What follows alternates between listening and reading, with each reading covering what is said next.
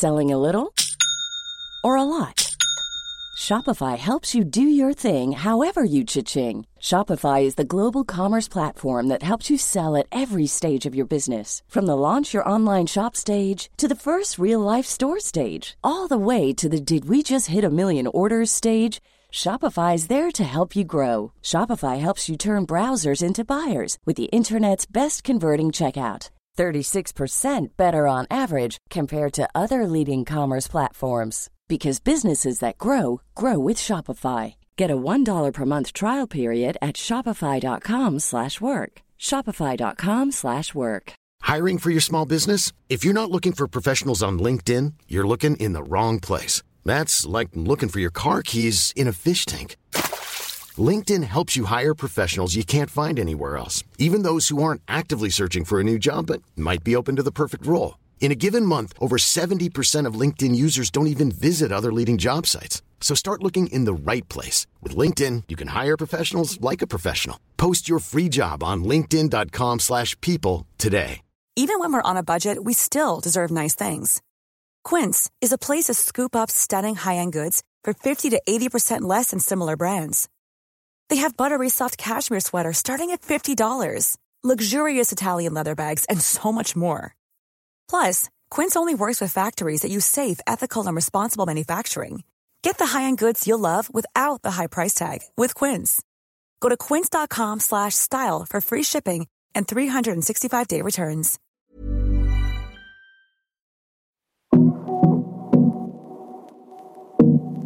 Hej och varmt välkommen till Karriärpodden och avsnitt 255 där jag möter Alexandra Pascalido.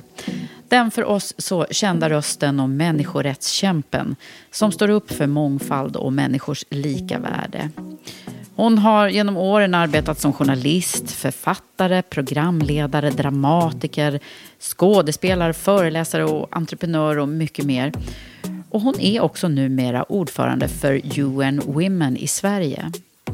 Ja, ni kan ju bara tänka er att det här kommer bli ett samtal om Alexandra och hennes driv och liv, men framför allt om jämställdhet och förstås vad som ligger bakom hennes senaste släppta bok. Var är papporna? heter den.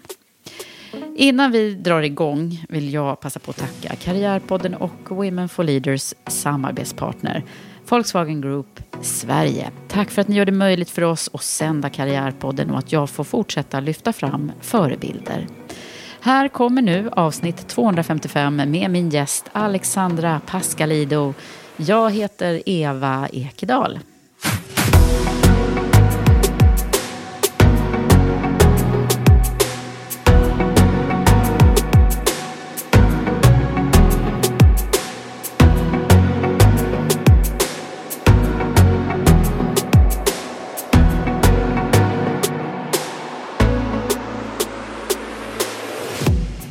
Alexandra Pascalido, välkommen till Karriärpodden.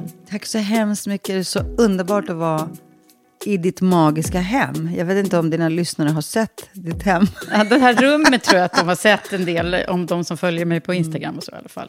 Helt ljuvligt. Ja, men jag är så glad att du är här. Jag är så glad. Och det bara så här bubblar i rummet redan innan vi har börjat eh, ja, spela men, in. Verkligen. Vi skulle ha kunnat börja spela in redan när jag kom in. Ja, det hade varit ganska kul. Eller hur? Eh, Men, nej, men alltså, det, det finns ju så mycket att prata om. Och det faktum är att det känns som om att jag redan känner dig. Ja. Eh, därför att eh, vi har ju träffats några gånger, men då har vi bara sagt hej, hej, sådär. Eh, och du hade ju inte så mycket koll på eh, vad jag gör. Men, Men, jag hade absolut hört talas om Karriärpodden och om dig och hade li- lite koll. Men du vet, där Ja. någonstans. Så nu är jag otroligt glad att jag äntligen får träffa dig och säga så här, åh vi måste äta lunch, vi måste Ja, äta lunch. precis. Vi har redan liksom bokat in det. Ja. Eh, nej, men det finns ju och, eh, det finns två saker som jag tänker så här. Det här kommer vi att få ett bra samtal om. Och det ena är ju förstås det vi brinner för båda. Ett jämställt, jämlikt samhälle och arbetsliv och allt det där som jag jobbar med varje dag och du också på olika sätt. På olika sätt tror jag vi gör det. Ja. Så det var därför jag tycker att, mm, vad spännande. Och sen är det papporna som jag tror, som jag tror att vi kommer att komma in på. Ja. Vad tror du? Jag tror absolut, jag tror att vi skulle hitta oändligt många olika gemensamma nämnare och saker som skulle vara spännande att diskutera. Men jag tror att de du nämner, jämställdheten och papporna, tror jag faktiskt är de mest Mm. akuta. Det, det, det är akut faktiskt. Eller det är faktiskt akut. Det är läge, Ja, precis. Ja. Nej, men, eh, alltså, det är ju, du är ju verkligen en sån där person som vi har sett mycket i olika sammanhang. Och, jag tänkte så här, eh, när jag började läsa på lite mer detaljer om dig, så, så blev jag lite överväldigad. Så jag sa ju så här, nu har jag liksom drömt om Alexandra Pascalido och levt, det känns som med dig, den senaste veckan i alla fall. Eh, och lyssnat på dina böcker och jag liksom försökt att så här, ja men man ska ju göra research. Nu är ju inte jag journalist utan jag är ju samtalsterapeut så att det är lite annorlunda som, som du förstår. Du är mycket bättre på att göra research tror jag i de där sammanhangen. Men så till slut så kände jag så här, nej, jag ska bara vara här med dig istället. Så får vi se vad, hur samtalet blir. Häftigt, vad häftigt. Ja. Nej, men det är jättebra. Man behöver lite research för att veta ungefär vem det är man ska Mm. träffa. Och det tror jag att du redan har koll på. Så att vi kör bara. Jag, jag är så... Jag är redo. Du är redo. Härligt. Eh, jo, men jag tänker så här att vi måste nästan... De som, alltså alla har inte gjort den här researchen ändå, utan man har sett dig liksom fladdra förbi och du pratar i dina både tv-programmen och böckerna och sådär. Och man ser ju dig som en liksom stark kraft eh, som brinner för människor i olika sammanhang, så kan man väl säga. Eh, och människor som, som får sin röst hörd genom dig.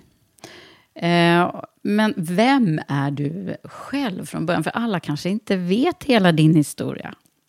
Nu har ju jag lyckats göra research, men den är så spännande så att man känner att... Jag kanske borde göra lite research på mig själv för att förstå vem jag Exakt. är. Nej, men skämt åsido. Oraklet i Delphi. Ja, Pythé. I Apollons tempel i Delphi som var världens nav. Hon sa, känn dig själv. Alltså lär känna dig själv. Att det är den viktigaste Viktigaste. uppgiften var och en av oss har. Och när jag är ute och inspirationsföreläser liksom för att stärka och peppa och så vidare. För att jag själv har fallit och kraschat och kämpat och slitit så mycket. Så, så brukar jag faktiskt börja med att man ska, måste lära känna sig själv och veta vem är jag. Och det är också den första frågan du ställer. Men du ställer den här frågan till mig just när jag är väldigt vilsen. Så att jag vet inte just nu vem jag är. Jag vet fakta. Jag vet att jag är mamma. För det är en primär roll måste jag säga. Och jag har också en tonårsdotter som inte ger mig som inte låter mig glömma att jag är mamma. det. Okej. Så det är liksom, Det det, pockar på helt enkelt. Och jag vet att jag har liksom officiella titlar, kan jag kalla mig för så här, journalist, författare, programledare, dramatiker också, eftersom jag har gjort två för, teaterföreställningar nu har skrivit kontrakt för en tredje. Eh, föreläsare, människorättsaktivist, jag är ordförande för UN Women. Men allt det där är inte jag. Nej. Jag, jag är det där formellt, officiellt och så vidare. Och vissa av de yrkestitlarna, tjusiga titlarna, får jag inte ens betalt för ska jag säga. Eller får jag uselt betalt för. Men är man det man får betalt för? Nej, Nej. det är man ju inte. Är man sitt arbete? Vet det fan alltså om man får svära i din podd. Ja, det får man. det vet jag inte heller Nej. om man är. Så jag skulle nog vilja säga att jag är en, en kanske en drömmare. Mm. En människa som tänker att jag är satt på den här jorden. Jag har en, en själ som på något sätt har gått sin egen väg, brutit av många generationers förbannelser skulle jag vilja säga. För jag kommer från ett rakt led av krigare, förlorare, flyktingar, eh, människor som har levt i djup olycka och verkligen varit tvungna att, att börja om gång på gång och liksom krossats av liksom, historien och livet på olika sätt. Eh, och också lidit av olika sorters dysfunktionalitet och så vidare. De har varit trasiga helt enkelt. Så det känns som att jag kommer och så bryter jag av det här arvet Ja. och, och sk- skapar någonting nytt. Men jag är vilsen just nu, så just nu vet jag inte vem jag är. Nej, men vart jag är på vad väg. bra att du sitter här nu, för då Ja. kanske vi kan komma på. Ja, och jag tänker att det här heter ju också Karriärpodden och jag tänker att en karriär nu för tiden, jag tror att världen har förändrats sedan industriella revolutionen. Alltså, det är inte en karriär. Nej. Utan man har många olika. Och jag är ju en sån som aldrig någonsin eh, accepterar eh, diskriminering eller att de slänger upp dörrar mitt i mitt ansikte. När jag vet att jag är värd eh, att få ett visst jobb eller uppdrag för att jag är högre utbildad än alla andra, för att jag bevisligen har eh, liksom, be, eh, längre arbetslivserfarenhet och så vidare. Så jag accepterar inte riktigt ett nej, utan jag tänker så här, okej, okay, de stänger en dörr. Var finns ett fönster? Eller vad kan jag göra annorlunda? Mm. Så att jag tänker så här, jag blev författare av nöd. Ja, hur gick det till Jag ville egentligen? inte bli författare. Jag Det var ville ingen dröm, alltså? Nej, men jag ville jobba med tv. Det var ju Mm. det jag hade gjort. Jag studerade statsvetenskap och internationella Mm. relationer. Fick det här tv-jobbet. Gjorde tv-program varenda vecka, bästa sändningstid, som heter Mosaik. Ja, det var då vi först Det var då såg ni dig. Mm. såg mig, ni som levde på den tiden. Eh, men, men, men, men, och jag lärde mig att det enklaste sättet att sammansvetsa det här samhället, att slipa ner fördomströsklarna, att se till att möten skapas i ett väldigt segregerat samhälle, Mm. det är att släppa in dem i tv-rutan. Så att de får träffas. Mm. Så då kommer man ju hem till varandra. Men, och när jag sen blev Men det var då du blev ett, ett, känd ett hushållsnamn. i, liksom. i, i känd Sverige. Mm. i, svenskorna, i svenska stugor. Men jag fick, eh, när jag blev mordad av, nazister som kom hem till mig med vapen så fick jag också sparken för att de var rädda på SVT för att ha kvar mig. Ja, men Och den då- här storyn har jag, kan vi stanna där bara? Den har jag liksom inte, det, det Ja. skrevs säkert mycket det, om det. det, var, men, det här var en väldigt stor skandal som det Ja. Mm. skrevs väldigt mycket om. Eh, det var nazister utanför mitt hem, maskerade med vapen som kom för att mörda mig för att de tyckte att jag liksom, ja, var svartskallen i tv-rutan och så vidare. Och, och det var Aftonbladet var inblandade och det var rättegångar och så vidare. Mm. Och då förlorade jag mitt jobb. Att man tyckte att jag inte skulle synas i tv-rutan. Därför att, ja, för att inte locka fler hot. Så det var ungefär som man tänker om våldtagna flickor. Vad hade du på dig? Lite för kort kjol, lite för djup urringning. Ja, man tycker nästan att det är fel på flickorna, att det nästan att de förtjänar att bli våldtagna. Lite så lät det med mig. Jag var liksom blattebruden från Rinkeby som kämpade för jämställdhet. tog du vägen med allt det här jämlikhet. då, då? Nej, men jag tog inte vägen någonstans, utan jag tänkte, jag är en krigare, alla i min släkt har varit krigare, de har aldrig haft någon att luta sig mot. Det är bara att fortsätta kämpa. Men plötsligt så stod jag och var paria. Jag fick inga jobb, jag hade ingenting, jag kände inga människor i den här fina, viktiga världen. Mm. Så det jag gjorde, det var att jag flydde. För det har jag i mitt DNA. Ja, precis. Så jag jag stack till förstått. Latinamerika. Ah. Jag var där i tre månader och reste runt och insåg att jag är någonting annat bortom den svenska offentligheten. Jag är någonting annat än den jag är i rasisternas ögon. Att jag är blattebruden från betongen. Jag är någonting annat än det jag är för de som eh, kanske älskar mig eller uppskattar mig för att jag vågar säga det ingen annan vågar. Där blev jag Alexandra som går runt och jag vet inte vad. Alltså där blev jag den här personligheten som blev omtyckt för ingenting, för hur jag är. Så det var rätt att, att göra Nej, men det var rätt, men det Mm. var också där jag bestämde mig för att skriva min första bok, Bortom mammas gata. Mm. Och det var en överlevnads, liksom, ett överlevnadsknep, en överlevnadsdrift. Så du Jag- visste liksom inte att du hade inte. den här eh, Nej, men, förmågan heller? Alltså min mormor och farmor var analfabeter. Ah. En generation bort är det.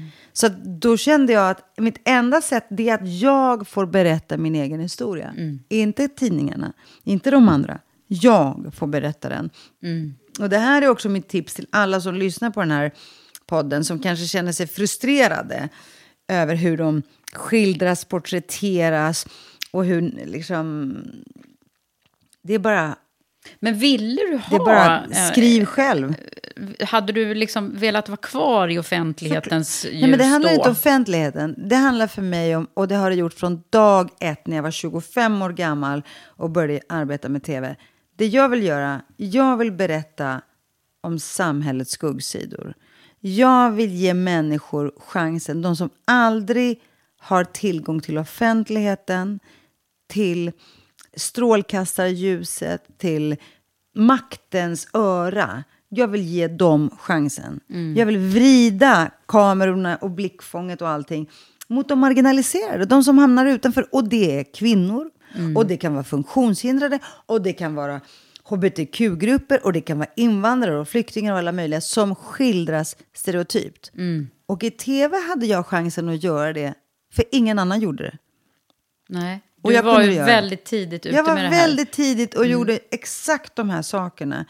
Men vad, alltså om vi bara backar bandet lite. eh, Man kan ju förstå då eh, den här drivkraften. Eller det, det är den jag lite är sugen på. För den verkar ju vara som en, en enorm urkraft som kommer. I, alltså den här viljan att göra det här också.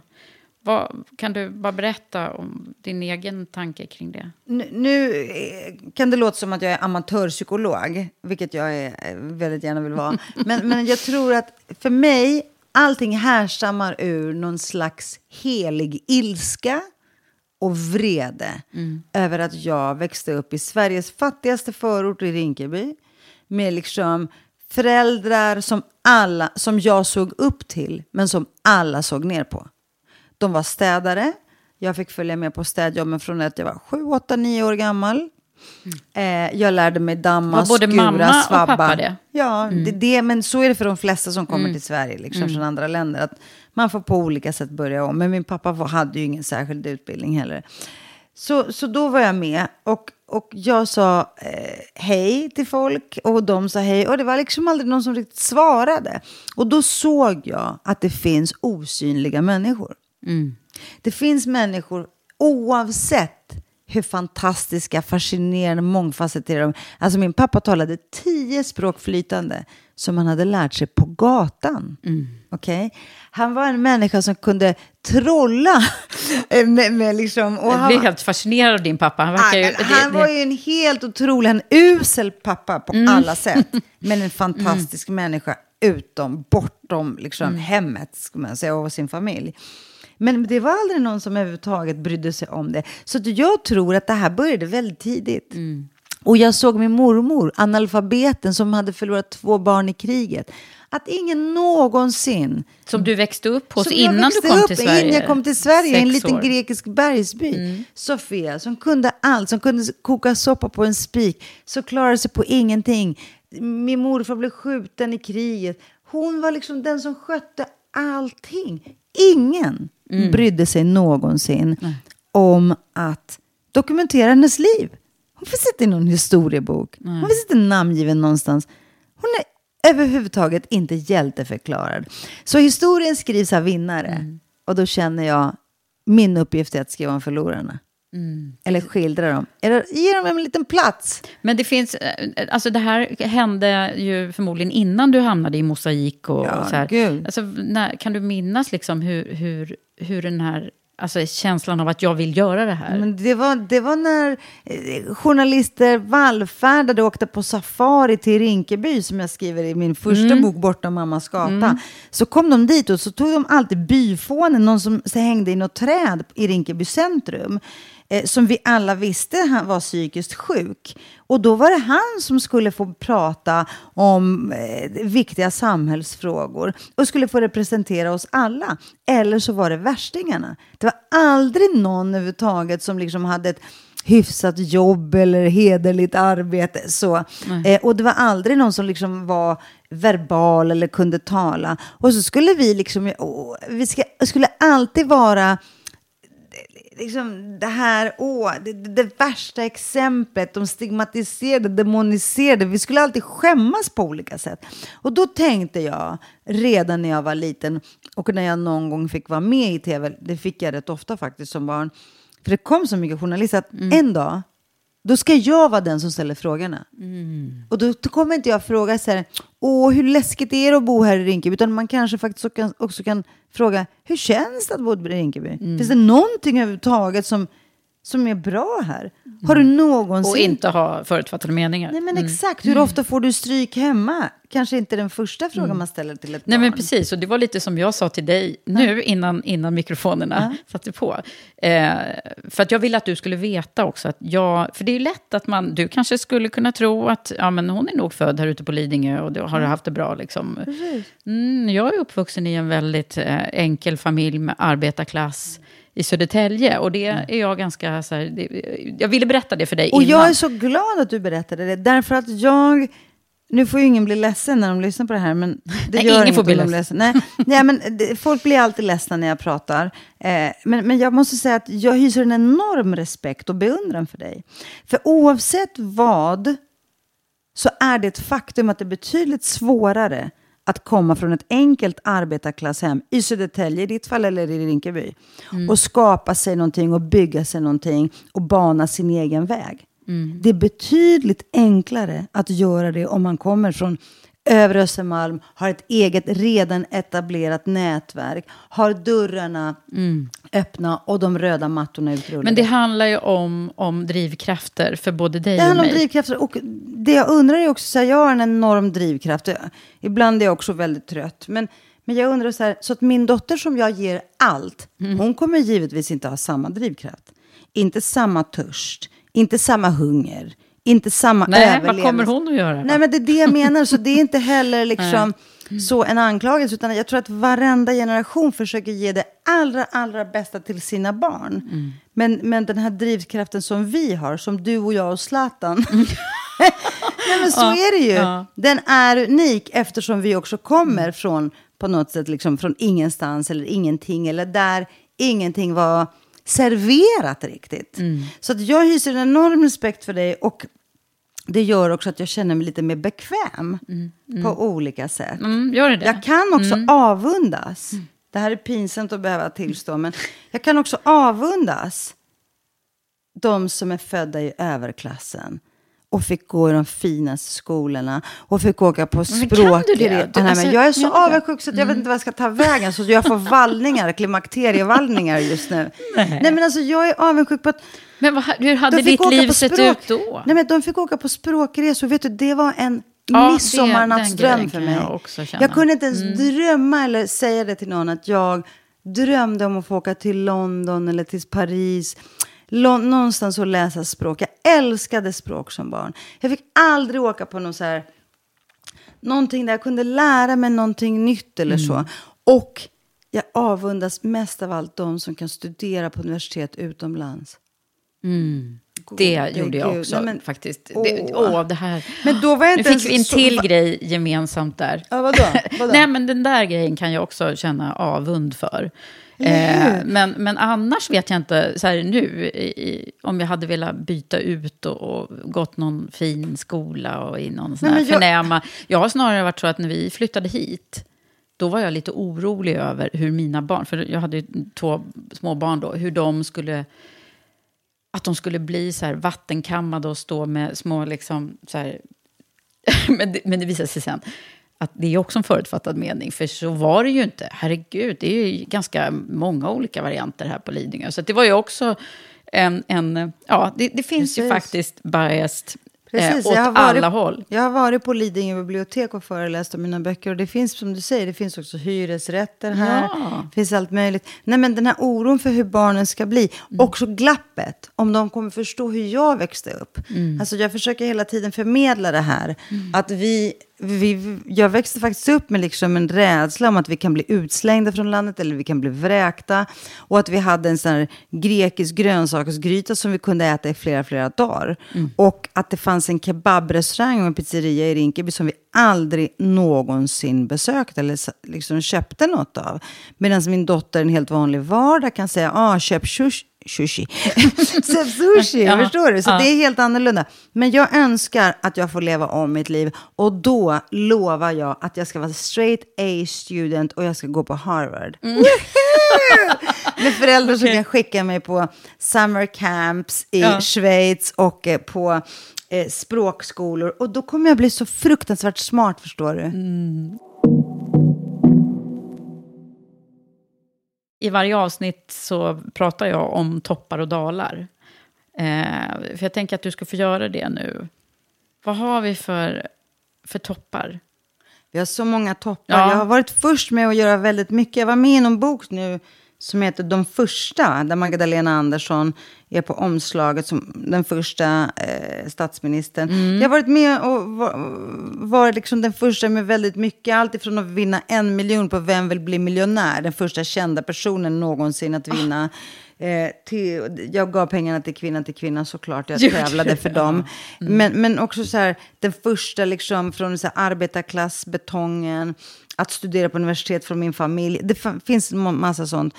Topparna har varit det här att kunna bryta ny mark, att kunna ta sig in i, i riva ner de här betongmurarna, ta sig in i maktens korridorer och där sakta men säkert, och det ser jag kvitto på idag, kunna släppa in flera, flera kvinnor, flera, flera med annorlunda bakgrund, kämpa för mångfalden. Och det här har jag betalat ett väldigt högt pris för. Jag har kämpat sedan 1995 för mångfald och jämställdhet. Och idag går jag in i rum och jag ser att där finns mångfald. Och jag ser att det finns unga människor som har liksom uppnått ja, men, fantastiska liksom, framgångar. Och ibland kan jag tänka att de vet inte hur mycket jag kämpar för att de ska vara där. Förstår du? Alltså det är... Det är en Så- häftig känsla. Det är en jättehäftig känsla. Och Men det, kan du minnas något liksom, ögonblick som är så här... Nej, men jag har fått så många priser, alltså från San, Sankt Eriksmedaljen Ja, men då är det priserna då. Annars ja, men kan det vara priserna är som- Mm. höjdpunkter, men, men liksom... Att, att ha skrivit min första bok, att ha gjort min första teaterföreställning på Stadsteatern, att ha gjort mitt första tv-program. Alltså allt det där är höjdpunkter. Och du får inte heller glömma att jag förutom luthersk också är dionysisk. alltså jag är väldigt bra på att fira. Ja, levnads- och, och ja, jag är väldigt glad. levnadsglad, älskar det. Så att jag har egentligen haft väldigt många skäl i mitt liv att fira, för jag har gjort väldigt många saker som har varit de här topparna, eh, som jag försöker och- minnas tillbaka på. Jag har fått springa, såna bagatell kan tyckas, men jag har fått springa med OS-elden. Jag har fått vara Ja. programledare OS för OS i. Aten. Jag har varit programledare för Eurovision i Grekland och kom kommentator i Kiev. Och Melodifestivalen i Sverige har varit Alltså, programledare det är helt fast, ja, när, jag, när jag som sagt var läste Mm. på så kände jag bara wow. Eh, Jag, jag har ju såklart kanske sett delar av det här, men Ja. inte allt. Eh, Nej. Det, är- det är otroligt många Nej, men toppar. förstår, jag har intervjuat Maradona som var svårast och sköt men vad var bäst då? journalisten. Nej, men det går inte att säga vad som var bäst. Och som kvinna måste jag också säga att det bästa var att bli mamma. Ja, nej, nej, men det behöver du inte säga här. men, jag menar, det är liksom... Det går inte, utan jag behöver också hela tiden sådana utmaningar. Och jag kan också bli väldigt besviken. För att samtidigt som jag har gjort allt det här så kan jag säga att det är väldigt svårt för mig att få jobb. Varför då? Det måste ju vara diskriminering. För att jag är kvinna. Folk säger så här, ja men de är lite rädda för dig. Andra säger, det är bara för att du är blatte. Man liksom är så rädd för den här tiden. För det finns så mycket rasism och sexism som har blivit så rumsren. Så att man tycker att det är lite o... läskigt och obehagligt på något sätt. Så jag har ju väldigt Men har du svårt... velat ha liksom, jobb? Det är klart, jag har val- sökt jobb, jag har fått höra alla möjliga För det känns ju konstiga... som att du verkar Det ha är en klarat det ganska bra. magkänsla säger de och sen går liksom alla jobb till eh, blonda programledare eh, som liksom, ja. Men, men vet du vad? Och då är det så här. Då kan man se, titta på det här och vara jäkligt bitter. Men jag är ju medveten om att diskriminering förekommer systematiskt och drabbar kvinnor och drabbar minoriteter och invandrare. Och det jag gör, det är så här, jag försöker motbevisa dem. Så det jag gör det är så här, okej, så jag får alltså inte det här jobbet som jag söker och jag får inte göra den här dokumentären som jag vill. Nej, men då går jag hem och skriver en bok istället. Sen träffar jag samma chef på stan på en fest, någon glitterigt sammanhang och så kommer chefen fram till mig och säger, åh, du är en sånt geni. Och då säger jag, ja, det kan stämma, men varför fick jag inte jobbet då? Ja, men då får du istället göra en dokumentär som baserar sig på boken. Nej men sen får jag, exakt, men jag måste göra allt tvärtom och gissa hur tröttsamt det är. Att behöva först skriva boken, sen göra teatern och sen göra tv. det är jäkligt jobbigt. Hade det varit bättre att göra tvärtom alltså? Nej men det hade varit, snälla kan jag bara få, så här, jag vill inte ha, om jag skulle be en liten bön till Gud, så skulle jag säga så här, ge mig bara det jag förtjänar. Ge mig bara meritokrati. Om livet var rättvist så skulle inte du eller jag eller någon annan behöva kämpa för jämställdhet. Nej. För då skulle jämställdheten vara given. Om du tittar på 60 procent på universiteten i Iran, där är kvinnliga studenter. Ja. Majoriteten av studenterna i väldigt många länder är just kvinnor. Och hur ser makten ut? Och vilka är det som tjänar pengarna? Ja, det är ju inte kvinnorna. Nej. Förstår du? Och det är på samma sätt att vara kvinna. Att komma från en arbetarklassbakgrund eller en stigmatiserad förort och att vara blatte eller utlänning eller invandrarbakgrund eller vad det nu är. Det är alltid svårare. Vi får kämpa två eller tre gånger liksom, hårdare och mer än alla andra. Och det här, är liksom sju resor bättre. Precis, och det här vet alla. Och vi har inte heller, och det här vet kvinnor väldigt väl om. Därför att den svenska feministiska kampen har varit så framgångsrik och puttat fram eh, liksom positionerna eh, och tvingat in kvinnor i alla olika strukturer i samhället. Och det är tack vare dem som vi kan sitta här och vara lite malliga. Och också vara Fast vi, djärva. jag jobbar ju fortfarande eh, heltid med att försöka förändra det där, hur det ser ut. Det ser fortfarande ut som det gör på toppen. Så det där med att vi är...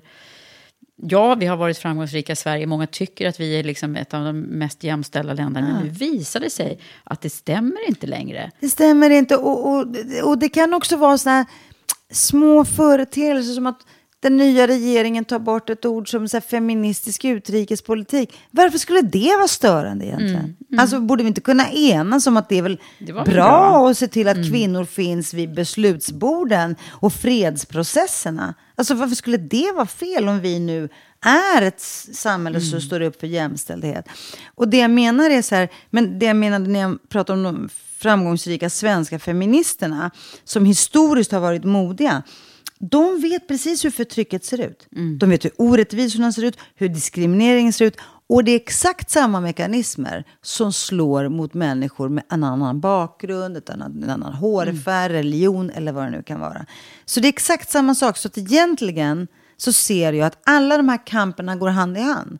Det är därför jag tycker ändå att det är Det är väldigt skönt att tala om sak. mångfald. Ja, men, eller hur? Ja, så är det ju. Och jag tänker, när jag pratar om min erfarenhet av att ha blivit diskriminerad eller portad utan motivering, observera. Alltså jag ber och bönar ofta de här cheferna, snälla kan ni bara, jag kan ta vad som helst. Säg i alla fall att jag är så här ful, dum i huvudet, jobbig, eh, lite för, ah, vad som helst. Bara jag får veta någonting, så jag, eller så att jag kan utvecklas, så jag kan lära mig någonting annat. Säg att du saknar, men det är sällan man får det. Väldigt ofta motiveras diskriminering med magkänsla. Och anledningen till att jag också tar upp mig själv, du frågar ju i och för sig mig och mi- mina personliga erfarenheter, men alla vi har ju erfarenheter av detta. Eh, som är viktiga när man bedriver den här kampen för jämställdhet och rättvisa. Absolut. Som vi måste ta med på något sätt. Ja, men absolut. Och man kan ju tänka sig den här... Eh, jag menar, jag som då jobbar eh, nästan hela mitt liv inom executive search och, och rekryteringsprocesser. Om hur, hur vi liksom ser till... Hur, hur, hur gör vi så att det blir en jämställd slutkandidatspool? Och den där, den där debatten den pågår ju fortfarande och jag kan se att det, det är... Vi får ju ofta uppdragen när man säger så här, nej men vi skulle rekrytera en CFO till det här bolaget. Och vi, vi sa uttryckligen att vi gärna ville ha en kvinna, men vi fick inga. Det fanns inga.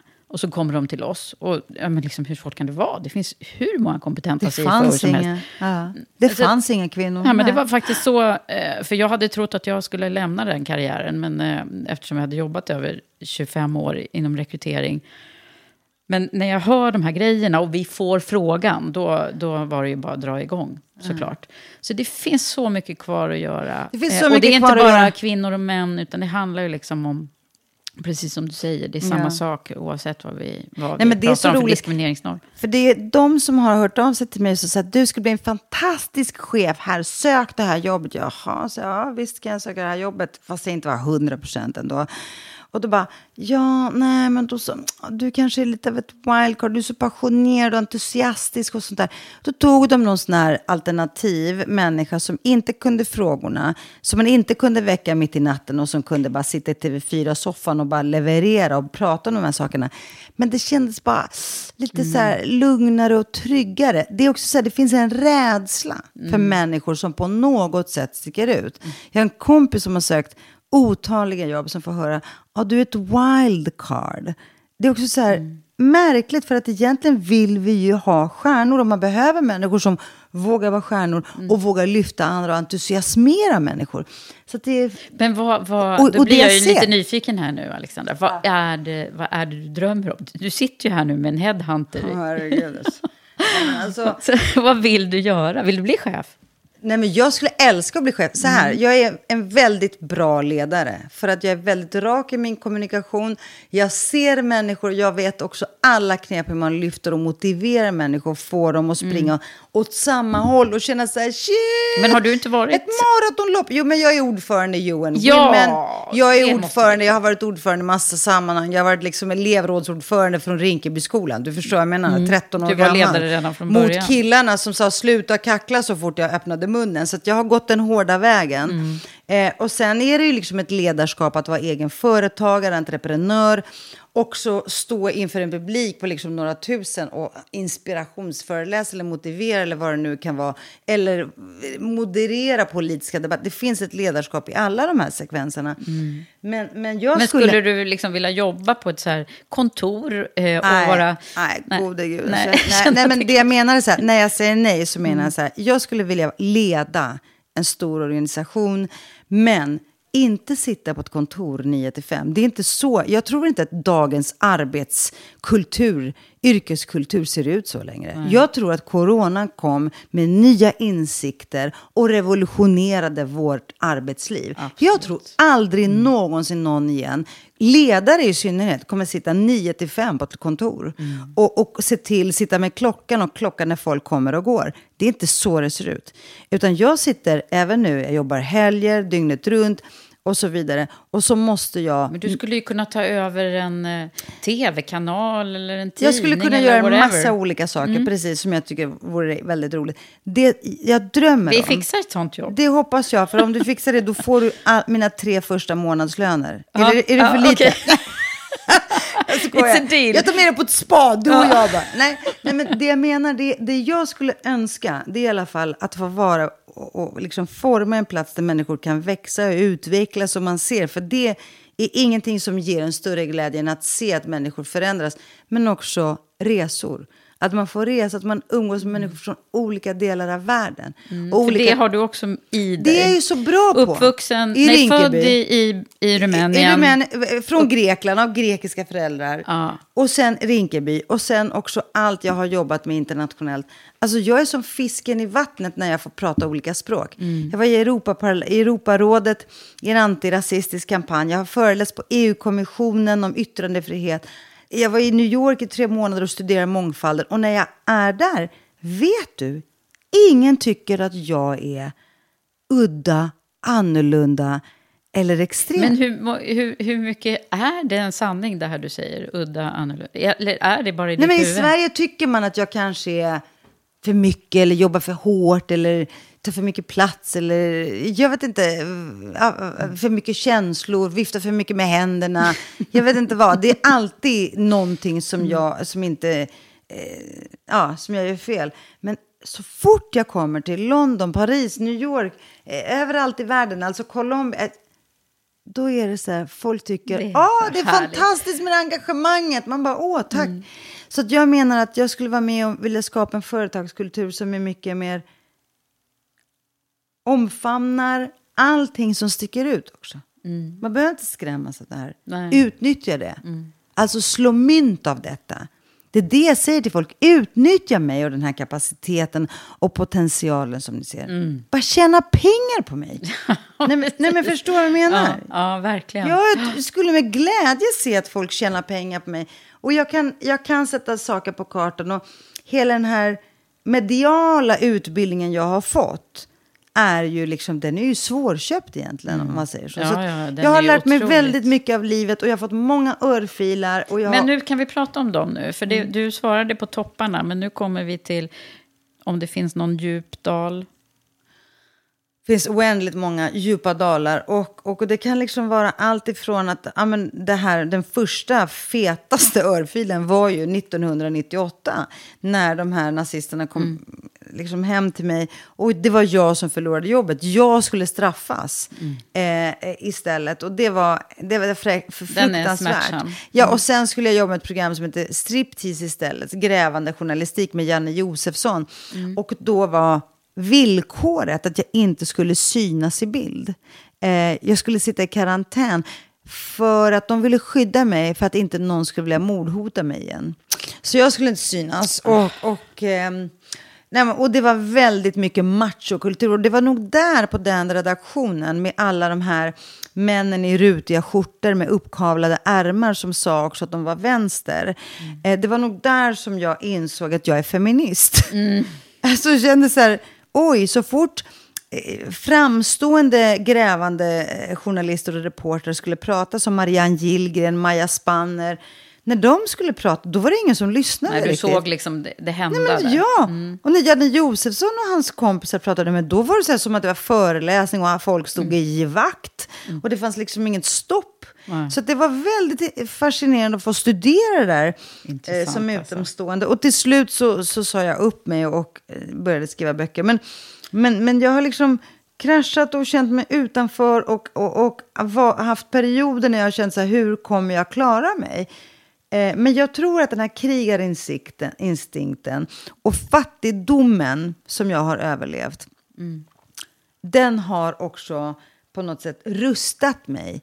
Alltså vad är det värsta som kan hända? Att jag hamnar i rännstenen? Well, I have been there. Förstår du? Och jag jobbade, liksom jag har städat och jag har jobbat på McDonalds. Och det, och det, jag klarar allting. Ja.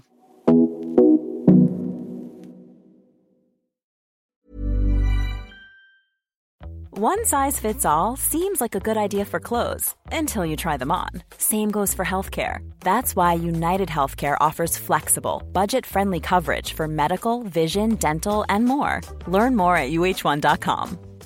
Ready to pop the question? The jewelers at BlueNile.com have got sparkle down to a science with beautiful lab grown diamonds worthy of your most brilliant moments. Their lab grown diamonds are independently graded and guaranteed identical to natural diamonds, and they're ready to ship to your door. Go to BlueNile.com and use promo code LISTEN to get $50 off your purchase of $500 or more. That's code LISTEN at BlueNile.com for $50 off. BlueNile.com code LISTEN. Many of us have those stubborn pounds that seem impossible to lose, no matter how good we eat or how hard we work out. My solution is PlushCare. PlushCare is a leading telehealth provider with doctors who are there for you day and night to partner with you in your weight loss journey. They can prescribe FDA-approved weight loss medications like Wagovi and Zepbound for those who qualify. Plus, they accept most insurance plans. To get started, visit plushcare.com slash weight loss. That's plushcare.com slash weight loss. Hiring for your small business? If you're not looking for professionals on LinkedIn, you're looking in the wrong place. That's like looking for your car keys in a fish tank. LinkedIn helps you hire professionals you can't find anywhere else, even those who aren't actively searching for a new job but might be open to the perfect role. In a given month, over 70% of LinkedIn users don't even visit other leading job sites. So start looking in the right place. With LinkedIn, you can hire professionals like a professional. Post your free job on linkedin.com/people slash people today. Burrow's furniture is built for the way you live. From ensuring easy assembly and disassembly to honoring highly requested new colors for their award-winning seating, they always have their customers in mind. Their modular seating is made out of durable materials to last and grow with you. And with Burrow, you always get fast, free shipping. Get up to 60% off during Burrow's Memorial Day sale at burrow.com slash ACAST. That's burrow.com slash ACAST. burrow.com slash ACAST. Men du, nu måste vi också komma in på det här med papporna och mammorna. Eh, och jag, du är stora syster, är det så? Jag är stora syster, jag är Ja. ledare i Du hemmet. är ledare i hemmet där också. Ja, nej men den här boken, jag har lyssnat eh, på Var är papporna nu? Och den, eh, alltså den börjar ju med en beskrivning också av din egen pappa som har gått bort. Var det ett år sedan eller? Två. Två år sedan. Vad hände med dig när, du, när, när han försvann? Alltså jag satt i natt och kollade på videos från honom på slutet. Och min pappa var ju en frånvarande pappa. Och när han var närvarande så var han allmänt toxisk. Så att de få gångerna han uppenbarade sig så var han ju våldsam, aggressiv, han drack. Eh, och han fullkomligt försummade oss. Alltså vi fanns inte. Och sen fick jag, har jag också fått reda på att jag har en lillebror någonstans i Sundsvall. Och, ja, en massa sånt där. Men, men eh, om vi frikopplar honom från oss och vår enorma besvikelse och min traumatisering av honom som en manlig förebild eh, som också har fått konsekvenser för mig och mitt privatliv kan man säga. Att jag har liksom alltid varit lite så här rädd för män. Ehm, men om vi frikopplar honom så var han ju helt magnifik människa. Alltså en fantastisk, alla älskade honom. Hela Rinkeby vet vem han var och så vidare. Generös, han tog av, tog av sig kallingarna och gav dem till nyanlända. Liksom. Det var på den nivån. Men, men det har skadat mig och det har drabbat mig. Och jag har i hela mitt liv för, försökt förstå utanförskapet, våldet. För våldet är många saker, det vet kvinnor allting om. Det är liksom eh, det symboliska våldet, det psykiska våldet, det verbala våldet, men det är också det fysiska våldet. Och jag har blivit utsatt för allt det här våldet, eh, också redan i mitt eget hem. Levde ni ihop hela tiden? Eller var Min han... pappa kom och gick. Aha, alltså så här, han fick inte, vi, vi fick inte stanna i Sverige och då lämnade han i två och ett halvt år och jobbade på en oljetanker. Sen kom han hem, då hade han börjat dricka. Eh, han jobbade som städare, han var borta, han försvann, han kom tillbaka. Så det var liksom fram Visste och aldrig tillbaka. riktigt vad han- Ja, så att det här våldet... Men han, då när han kom tillbaka, då tog, tog din mamma emot honom igen? Ja, min mamma har aldrig någonsin haft en annan man. Medan min pappa har haft eh, ja, miljoner, då, jag vet inte vad. Men, men så, att, så att när han väl var hemma gjorde det alltid ont. Så det var bättre när han var borta? På alla eller? sätt. När han var borta gjorde det också ont. Mm. För att vi var inte de normala. All, en ensamstående morsa med tre ungar. Vi hade liksom knappt så vi fick ihop det. Och min mamma är en hjälte. Och de andra grekerna i Rinkeby sa ja, hur ska du kunna gifta bort de här flickorna utan pappa och skilsmässofamilj? Det var Mm. ett stigma. Det var ju så, alltså nu är du lite yngre än vad jag är, men jag är också då uppvuxen med en ensamstående mamma med tre barn. Eh, och nu är ju vi, visserligen inte då, eh, har någon utländsk härkomst, men det är ändå så att det, det, det var verkligen tufft eh, för henne. Så det, det är ju samma sak där, man inser i efterhand, så bara, åh gud, hur fick hon ändå till det liksom? Vände och vred på, på slantarna på Eller något hur? sätt. Ja. Men ja, alltså, min pappa drack också. Eh, och, eh, Är du äldsta barnet? Nej, jag är yngst. Men, eh, eh, och det var verkligen en... Eh, han, han var liksom borta. Så att för, mig, när han dog, för min pappa är också död, eh, så var det... Då kom jag på så här att jag, jag, jag var ledsen, men jag var ju inte ledsen över, över att han dog. Jag var ju ledsen över saknaden av att, att inte ha en, en pappa. Att aldrig haft någon. Så det här liksom faders saknaden, den har jag också jobbat med i hela mitt liv. Det är märkligt alltså, att vi har samma story Nej men exakt, nästan. det känns så liknande. Det Mm. här faderstraumat. Och, och jag skriver, hur kan man sakna någon man aldrig har haft? Ja. Mm. Jag har aldrig haft en pappa egentligen. Alltså, förstår du? Eh, så jag undrar, så här, hur kunde jag sakna honom egentligen? Men jag saknar väl idén. Jag saknar väl en manlig förebild. Jag saknar någon som kan ta sig an en, någon som kan backa upp en, någon man kan luta sig mot, någon som kan, jag vet inte, en manlig energi kanske. Mm. Någonting sånt. Men alltså det var...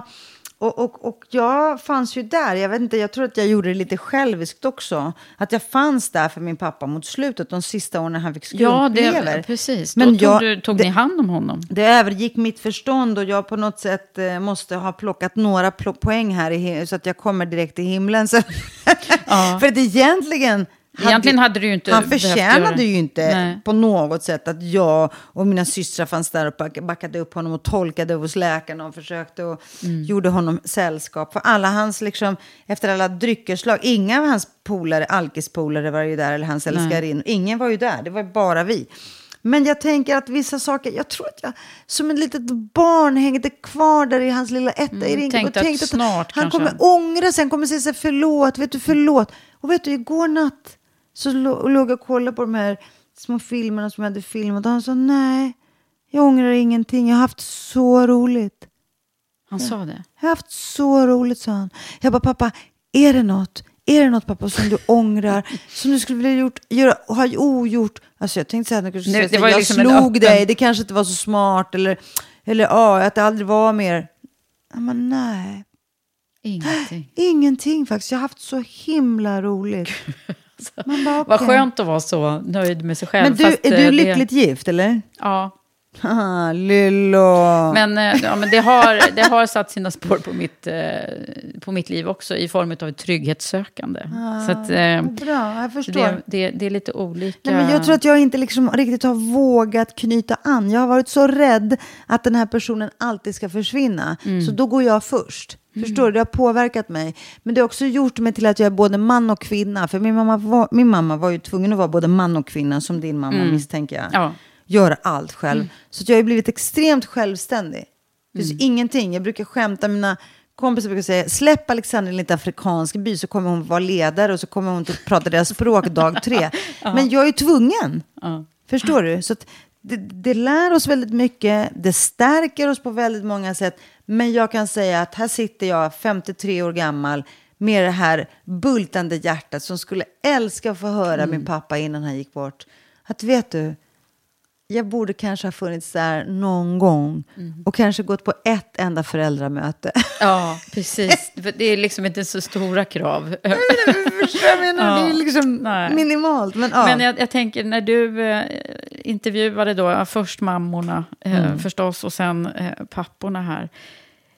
Alltså bara av att ha, ha lyssnat på den här senaste boken så känner jag bara, det var nästan så jag inte orkade lyssna. Alltså det är sådana otroliga berättelser som du har fått, dig, eh, fått till dig och nu förmedlar vidare. Och de är ju hemska och tragiska. Och, men vad, vad, vad, liksom, vad tog... Jag, för jag tänkte så här, vad, hur orkar hon? Jag orkar inte. Alltså, varje gång jag skriver en bok blir jag fullkomligt utbränd. Alltså, Ja. Jag blir så här mentalt och känslomässigt urlakad.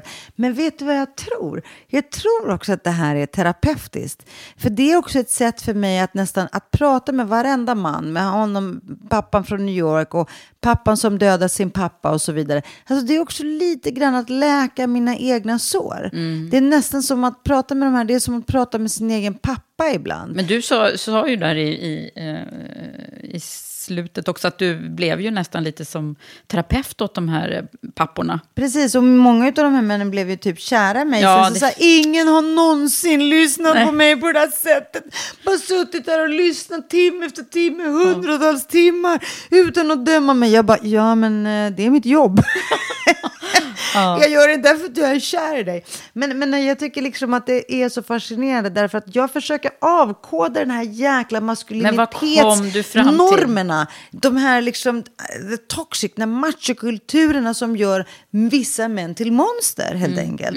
Men också allt det här våldet som männen producerar dagligen. Alla dessa liv som skördas runt om i världen. Mm. Så jag kom fram till otroliga insikter som jag tror att alla, alla måste läsa och lyssna på den här boken. Ja, det Nej men så. alltså på riktigt, Ja, för det, jag- jag den, med, den det- Mm. finns mitt ibland oss. Visst, någon, någon pappa är i USA.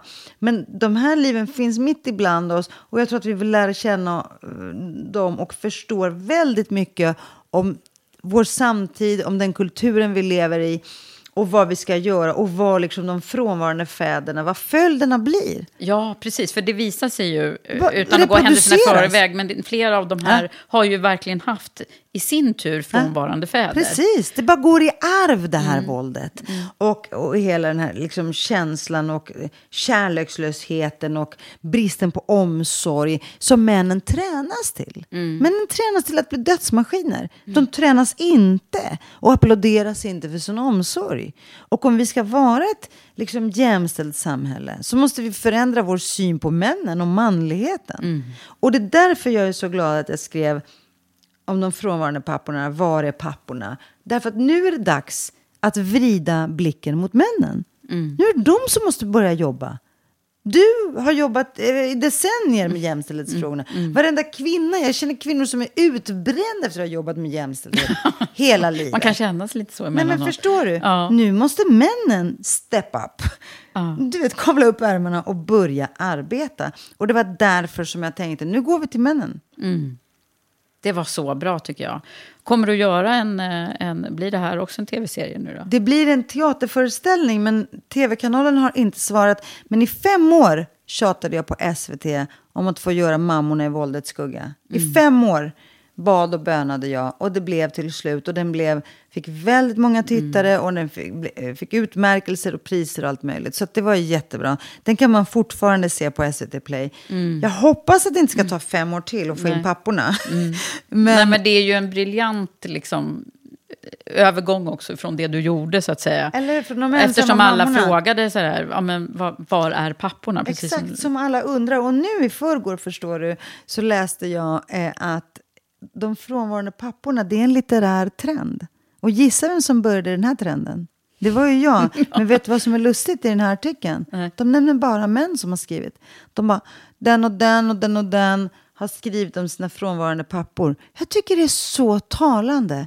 Hur män som låtsas vara så upplysta, lite feministiska, ändå alltid lyckas.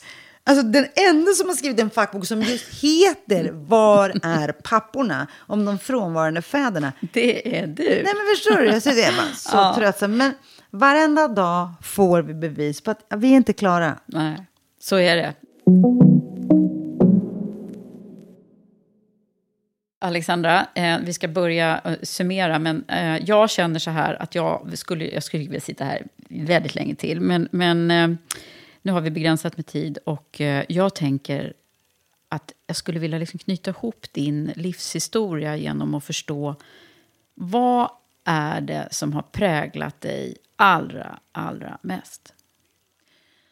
Jag tror att de mest formbara åren, det vet du som har läst så mycket psykologi också, det är väl liksom du vet, vår barndom och vår ungdom och eh, du vet, när vi formas som människor, när vi börjar liksom få syn på oss själva och vem jag är i relation till de andra. Och då bodde jag i Rinkeby. Och då bodde jag granne med turkar som hade ockuperat Grekland i 400 år, förslavat mitt folk och våldtagit våra mormödrar och farmödrar och så vidare. Och det stod i våra böcker att de var barbarer. Vilket de ju var. De var barbariska på väldigt många sätt. Men då tvingas man att se att alla människor inte kan generaliseras och dras över en kam. För våra grannar var fantastiskt trevliga fast de var turkar. Förstår du vad jag menar? Och där träffade man människor från hela världen och jag var verkligen tvungen att omvärdera alla sorters eh, generaliseringar och svepande eh, du vet, liksom att sätta folk i olika bunkrar helt enkelt. Så att, så att jag tror att Rinkeby har varit mitt bästa universitet. Jag kan svära på säkert 30 språk. Bara en sån. Tigrinja, marinja. Jag vet vilka som pratar kurmanchi och sorani. Jag kan skilja på liksom, de märkligaste förelserna. Jag vet varför mina klasskompisar kom från Libanon på 80-talet. Det är kunskap som inte värderas av någon. Alltså, jag kan inte skriva när jag ansöker om en che- ett chefsjobb. Åh, i Rinkeby fick jag lära mig om vad som hände i Beirut. Alltså, så. Men jag tror att det formade mig. Och att det också fick mig att känna mig väldigt, väldigt rik och samtidigt ganska trygg. För vi var ju alla fattiga i Rinkeby. Jag tror att det hade varit svårare om jag hade växt upp i Djursholm och varit du vet, den fattigaste av alla. Ensam. Du vet, med Det är en samhörighet. På det är något sätt. en äh, samhörighet det, på något sätt. Och det var liksom en fantastisk skola. Jag fick lära mig hela världen. Jag fick lära mig att hantera människor, att visa respekt, visa kärlek, hantera konflikter. Jag blev kulturkompetent gratis utan att få gå en massa chefskurser. Sånt. Ja, fantastiskt. Eh, Jag har en fråga som också kommer ifrån eh, min samarbetspartner, Volkswagen Group Sverige. Som ju eh, också brinner för de här frågorna, att jämställdhet, hållbarhet. Jaså. Så de har, skickar en fråga till alla mina gäster som lyder så här. Vad är hållbart ledarskap för dig? Vad betyder det för dig personligen? Alltså för mig och, och genom allt jag har skapat och all min verksamhet, det är att se och synliggöra människan i hela hennes storhet och, och liksom i hela hennes komplexitet. Och att se varenda människa som värdefull och viktig och se att varenda människa faktiskt kan både spegla och representera och lära oss och, och, och guida oss i hur världen och samhället ser ut på något sätt. Det är en del av det liksom, hållbara ledarskapet. Det var det de frågade om. Mm, Va? Men sen är ju hållbart ledarskap... Nej, men alla de här aspekterna som jag tror att vi har lärt oss historiskt. Att nej, men respekten för de mänskliga rättigheterna, jämställdheten, jämlikheten. Allt det här. Och allas möjligheter också att utvecklas, att blomstra. Eh, att, att, eh, att röra sig upp i den sociala stegen på något sätt. Alla kan. Eller hur? Är Mm. Så det, bra. Är det rätt eller fel svar? Jag Det, inte... jag får, får väldigt eh, många olika svar varje gång. Det är väldigt Ja, spännande. vad spännande. Ja. Jag ska lyssna på alla faktiskt. Ja, det måste vi göra. 250 stycken. Men du, ehm, sen så brukar jag också avsluta med att du själv eh, får säga vad du hade behövt höra när du var 20. För då blir det någon form av summering och råd till alla, tänker jag. Mm. Jag hade ju behövt höra när jag var 20 att det kommer gå fantastiskt bra. Det kommer krävas enormt mycket arbete. Bara förbered dig på det här. Eh, men, men att ju hårdare man arbetar, desto starkare och smartare eh, blir man såklart. Så att det, det hjälper en. Men jag hade framförallt behövt höra, för jag hade liksom sånt katastroftänkande. Jag hade behövt höra att det kommer inte gå åt helvete. Det kommer bara bli bättre varenda dag. Och för väldigt många av oss som växer upp i trasiga hem och med svår barndom så är det så här, gud vad skönt att bli vuxen. Eller hur? Eller hur? Det är så fantastiskt när man håller ödet i sina egna händer. Så att jag Man kan tänk- designa sitt eget liv. Är, är, Precis. är det också några som sagt Designa här? ditt drömliv, exakt så. Att det är du som kan forma, du är din egen gud. Det skulle jag behövt Mm. höra. Det är bara liksom gå ut och ansträng dig. Mm. För allting som kräver möda, ambition och ansträngning, det är också det som ger bäst och störst avkastning. Så bra.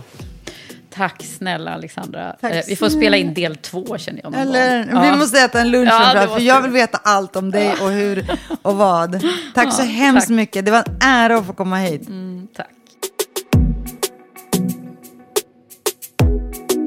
Hoppas att du gillade det här avsnittet. Stort tack till dig som har lyssnat på mig och min gäst Alexandra Pascalido. Nu är ju Karriärpodden inne på sitt tionde verksamhetsår och vårt syfte är fortfarande detsamma. Vi vill se fler kvinnor i ledande positioner och bolagsstyrelser och fler kvinnliga ägare och entreprenörer. Vi jobbar i alla våra verksamheter i Women for Leaders, Karriärpodden och EQ Executive Search med att driva utvecklingen mot ett mer jämställt och hållbart näringsliv genom nätverk, ledarskapsutveckling, rekrytering och genom att lyfta fram inspirerande kvinnor vi möter längs vägen och genom att lyfta fram de ämnen som möjliggör ett jämställt arbetsliv och ett modernt ledarskap. Och såklart vårt senaste tillskott, den nya mentorsmatchningstjänsten Signe. Där alla kvinnor i karriären kan signa upp och matchas ihop med mentorer.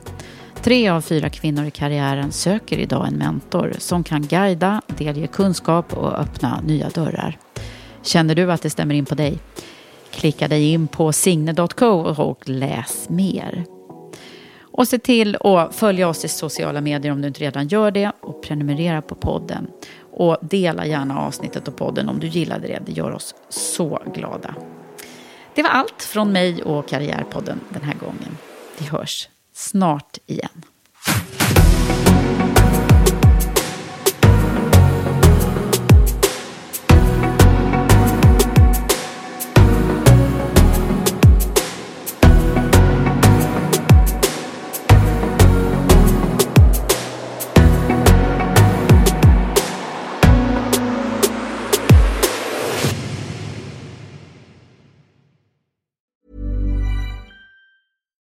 On a budget, we still deserve nice things. Quince is a place to scoop up stunning high-end goods for 50 to 80% less than similar brands. They have buttery soft cashmere sweaters starting at $50, luxurious Italian leather bags, and so much more. Plus, Quince only works with factories that use safe, ethical, and responsible manufacturing. Get the high-end goods you'll love without the high price tag with Quince. Go to quince.com slash style for free shipping and 365-day returns. Mom deserves the best, and there's no better place to shop for Mother's Day than Whole Foods Market. They're your destination for unbeatable savings, from premium gifts to show-stopping flowers and irresistible desserts. Start by saving 33% with Prime on all body care and candles. Then get a 15-stem bunch of tulips for just $9.99 each with Prime. Round out Mom's menu with festive rosé, irresistible berry chantilly cake, and more special treats. Come celebrate Mother's Day at Whole Foods Market. When you need mealtime inspiration, it's worth shopping Kroger, where you'll find over 30,000 mouthwatering choices that excite your inner foodie. And no matter what tasty choice you make, you'll enjoy our everyday low prices, plus extra ways to save, like digital coupons worth over $600 each week. You can also save up to $1 off per gallon at the pump with fuel points. More savings and more inspiring flavors make shopping Kroger worth it every time. Kroger, fresh for everyone. Fuel restrictions apply.